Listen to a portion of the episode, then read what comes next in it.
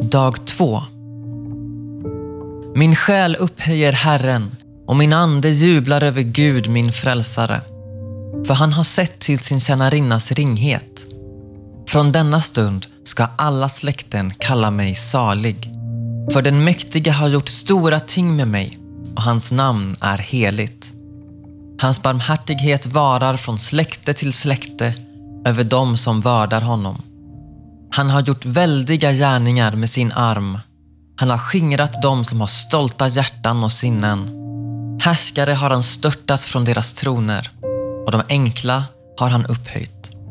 Hungriga har han mättat med sitt goda och rika har han skickat tomhänta tillbaka. Han har tagit sig an sin tjänare Israel och tänkt på att vara barmhärtig mot Abraham och hans barn till evig tid, så som han har lovat våra fäder. Lukas evangeliet kapitel 1, vers 46 55. Dag 2. Marias magnifike Gud. Maria ser tydligt hur Gud är i färd med att göra något helt enastående. Han är på väg att förändra hela mänsklighetens historia. De viktigaste tre decennierna i världshistorien ska strax ta sin början. Och var är Gud? Upptagen med två obetydliga, ödmjuka kvinnor. Den ena gammal och ofruktbar, Elisabet, och den andra ung och jungfru, Maria.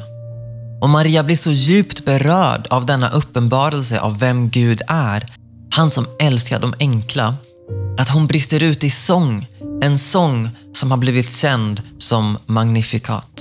Maria och Elisabet är två underbara hjältinnor i Lukas berättelse. Han älskar dessa kvinnors tro.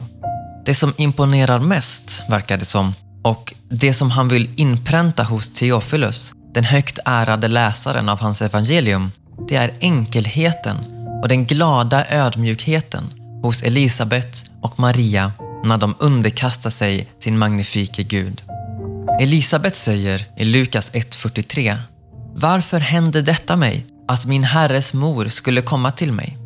Och Maria säger i kapitel 1, vers 48 Han har sett till sin tjänarinnas ringhet.